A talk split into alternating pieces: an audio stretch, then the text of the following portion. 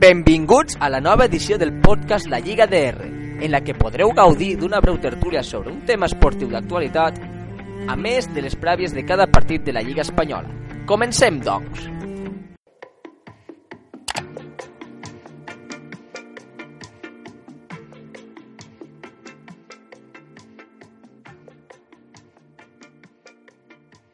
Comencem la tertúlia amb el nostre convidat Néstor, amb qui comentarem la polèmica actuació del nou porter del Manchester City en el partit de Champions contra el Barcelona, que recordem que la passada temporada va jugar en la plantilla del propi club blaurana. Benvingut, Néstor. Bona tarda, Ricard. Un plaer ser aquí per debatre sobre un tema que ha desencadenat una gran polèmica durant aquesta setmana.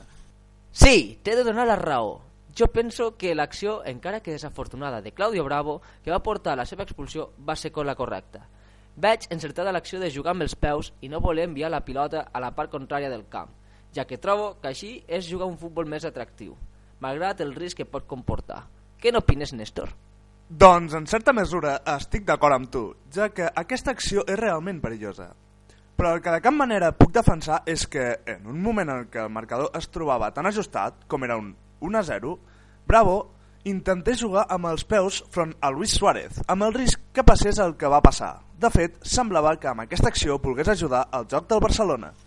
No estic d'acord amb tu. Per molt que fos jugadors del Barcelona en la temporada passada, és una jugada aïllada que, òbviament, comporta un risc. Però si hagués sortit bé, no hauria passat res i el City no hauria perdut un jugador.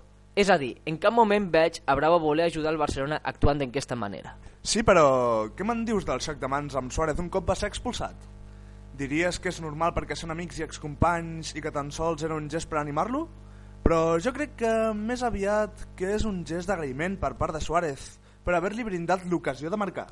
Crec que estàs exagerant i creant polèmica en un gest que realment només va ser amable. Per tant, deixem de banda aquesta qüestió, ja que es va poder comprovar la superioritat del Barcelona front al City. Eh, ja saps que m'encanta la polèmica, però sí, millor la deixem de banda i tot i que tens tota la raó en que la victòria blaugrana no va dependre de l'expulsió de Bravo. Bé, se'ns ha esgotat el temps de la tertúlia. Moltes gràcies per haver-nos acompanyat en aquesta secció. Néstor, fins aviat. Gràcies a tu, Ricard, i ja ens veurem.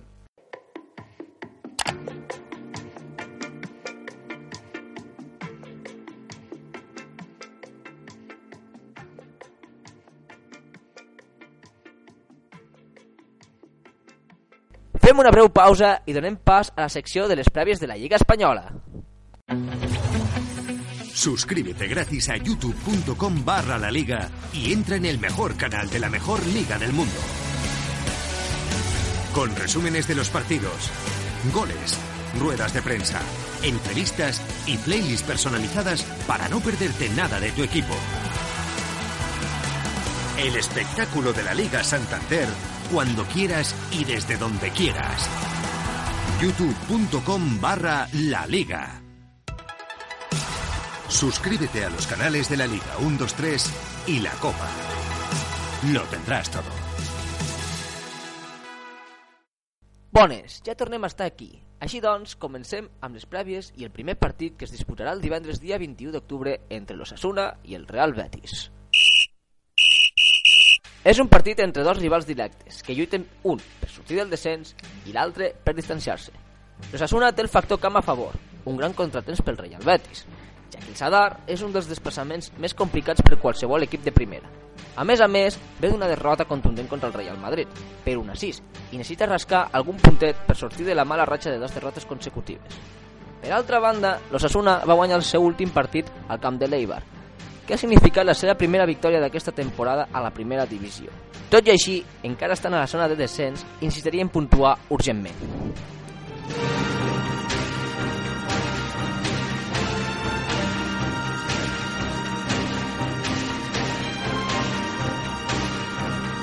El següent partit es disputarà a Cornellà del Prat, on l'Espanyol intentarà sortir del seu pobre arrencament de Lliga amb una victòria al seu camp contra un Eibar tocat, després de l'última derrota contra l'Ossassuna, per un ajustat 2 a 3. Tot i així, l'Eibar està lluitant per les zones de UEFA. En canvi, l'Espanyol està lluitant per no caure en la zona de descens després d'empatar al Gran Canària contra les Palmes en un partit sense gols. Se li ha complicat molt aquest inici de temporada, on la falta de gol és el seu gran problema.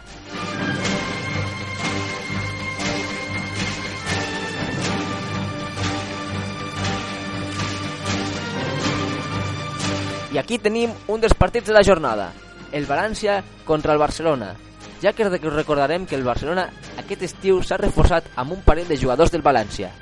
Es presenta un desplaçament complicat pels barcelonistes, ja que a Mestalla sempre els ha estat difícil treure punts. Tot i així, no es pot permetre res que no sigui victòria si no vol veure com l'Atlético, Real Madrid i Sevilla s'escapen de la classificació.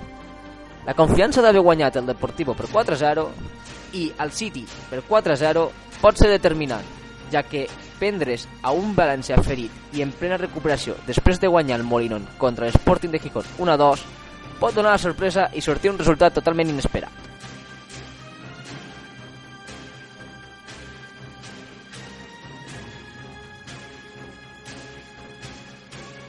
Bé, seguim amb el següent partit que disputaran la Real Societat i el Club Deportiu Alavés, que es disputarà en Anoeta, un dels altres camps complicats en els desplaçaments. Així que el modest Alavés, recent ascendit i donant la sorpresa d'estar en una posició de confort i sent un rival directe de la Real Societat, vol seguir allí dalt, malgrat els últims pobres resultats.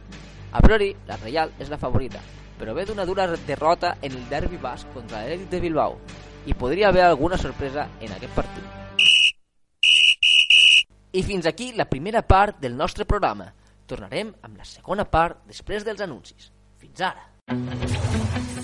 Suscríbete gratis a youtube.com barra la liga y entra en el mejor canal de la mejor liga del mundo. Con resúmenes de los partidos, goles, ruedas de prensa, entrevistas y playlists personalizadas para no perderte nada de tu equipo. El espectáculo de la Liga Santander cuando quieras y desde donde quieras. youtube.com barra la liga.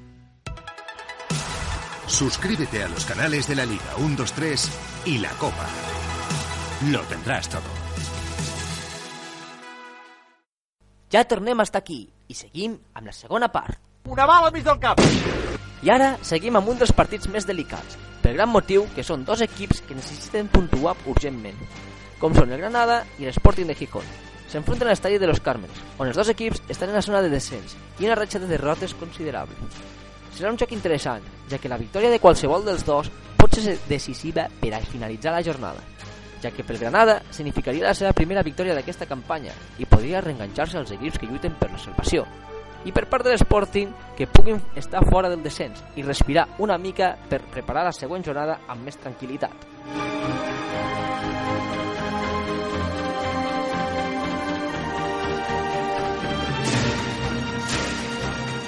El següent partit el jugarà el Celta, que ve d'una derrota contundent i clara de 5 a 0 contra el Villarreal, i el Deportivo, que també torna d'una derrota contundent contra el Barcelona.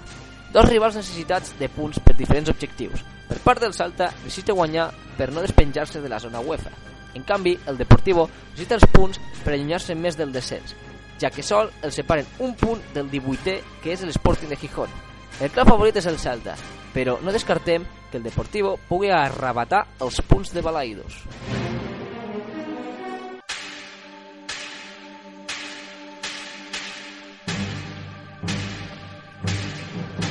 I ara, aquí tenim un altre dels partits calents de la jornada, on el líder de la Lliga Provisional s'enfronta a un Sevilla que ha sorprès amb aquesta tercera posició.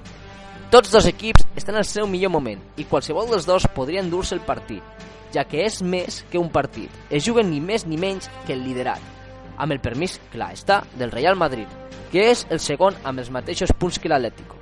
El partit es disputarà en el Ramon Sánchez Pizjuán. Aprofitarem aquesta falta interrompuda per anar a publicitat i la recta final del nostre podcast. Fins ara! Suscríbete gratis a youtube.com barra la liga y entra en el mejor canal de la mejor liga del mundo. Con resúmenes de los partidos, goles, ruedas de prensa, entrevistas y playlists personalizadas para no perderte nada de tu equipo. El espectáculo de la Liga Santander cuando quieras y desde donde quieras. youtube.com barra la liga. Suscríbete a los canales de la Liga 1, 2, 3 y la Copa. Lo tendrás todo.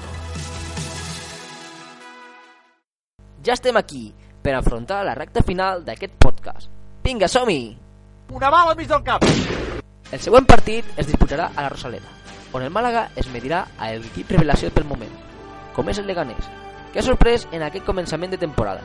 Serà un partit igualat, ja que en els resultats porten una mateixa dinàmica els dos contrincants. Malgrat això, crec que el factor camp a favor del Màlaga es pot veure una mica més afavorit. Però no us deixeu enganyar, ja que serà un bon partit de veure i amb una possibilitat de punts per ambos equips.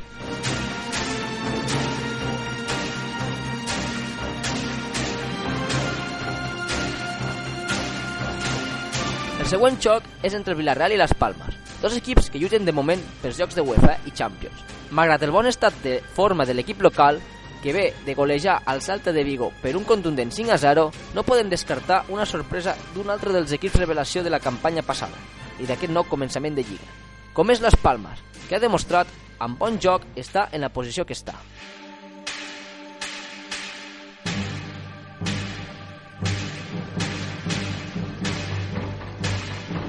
Aquí arriba l'últim partit de la jornada, que ni més ni menys serà un dels grans partits que disputaran el Real Madrid contra l'Athletic Club de Bilbao, al Santiago Bernabéu.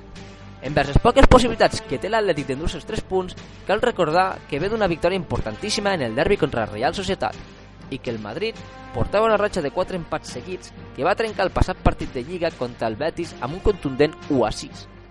Cal dir també que aquest dimarts va guanyar el Legia de Varsovia per 1 a 5 en el joc de Champions. Dit això, el partit entre els dos gegants pot ser un caos de sorpreses. Una bala al mig del cap. I fins aquí un breu resum dels partits de la jornada 9 de la Lliga Santander. Fins a la pròxima setmana. Adeu!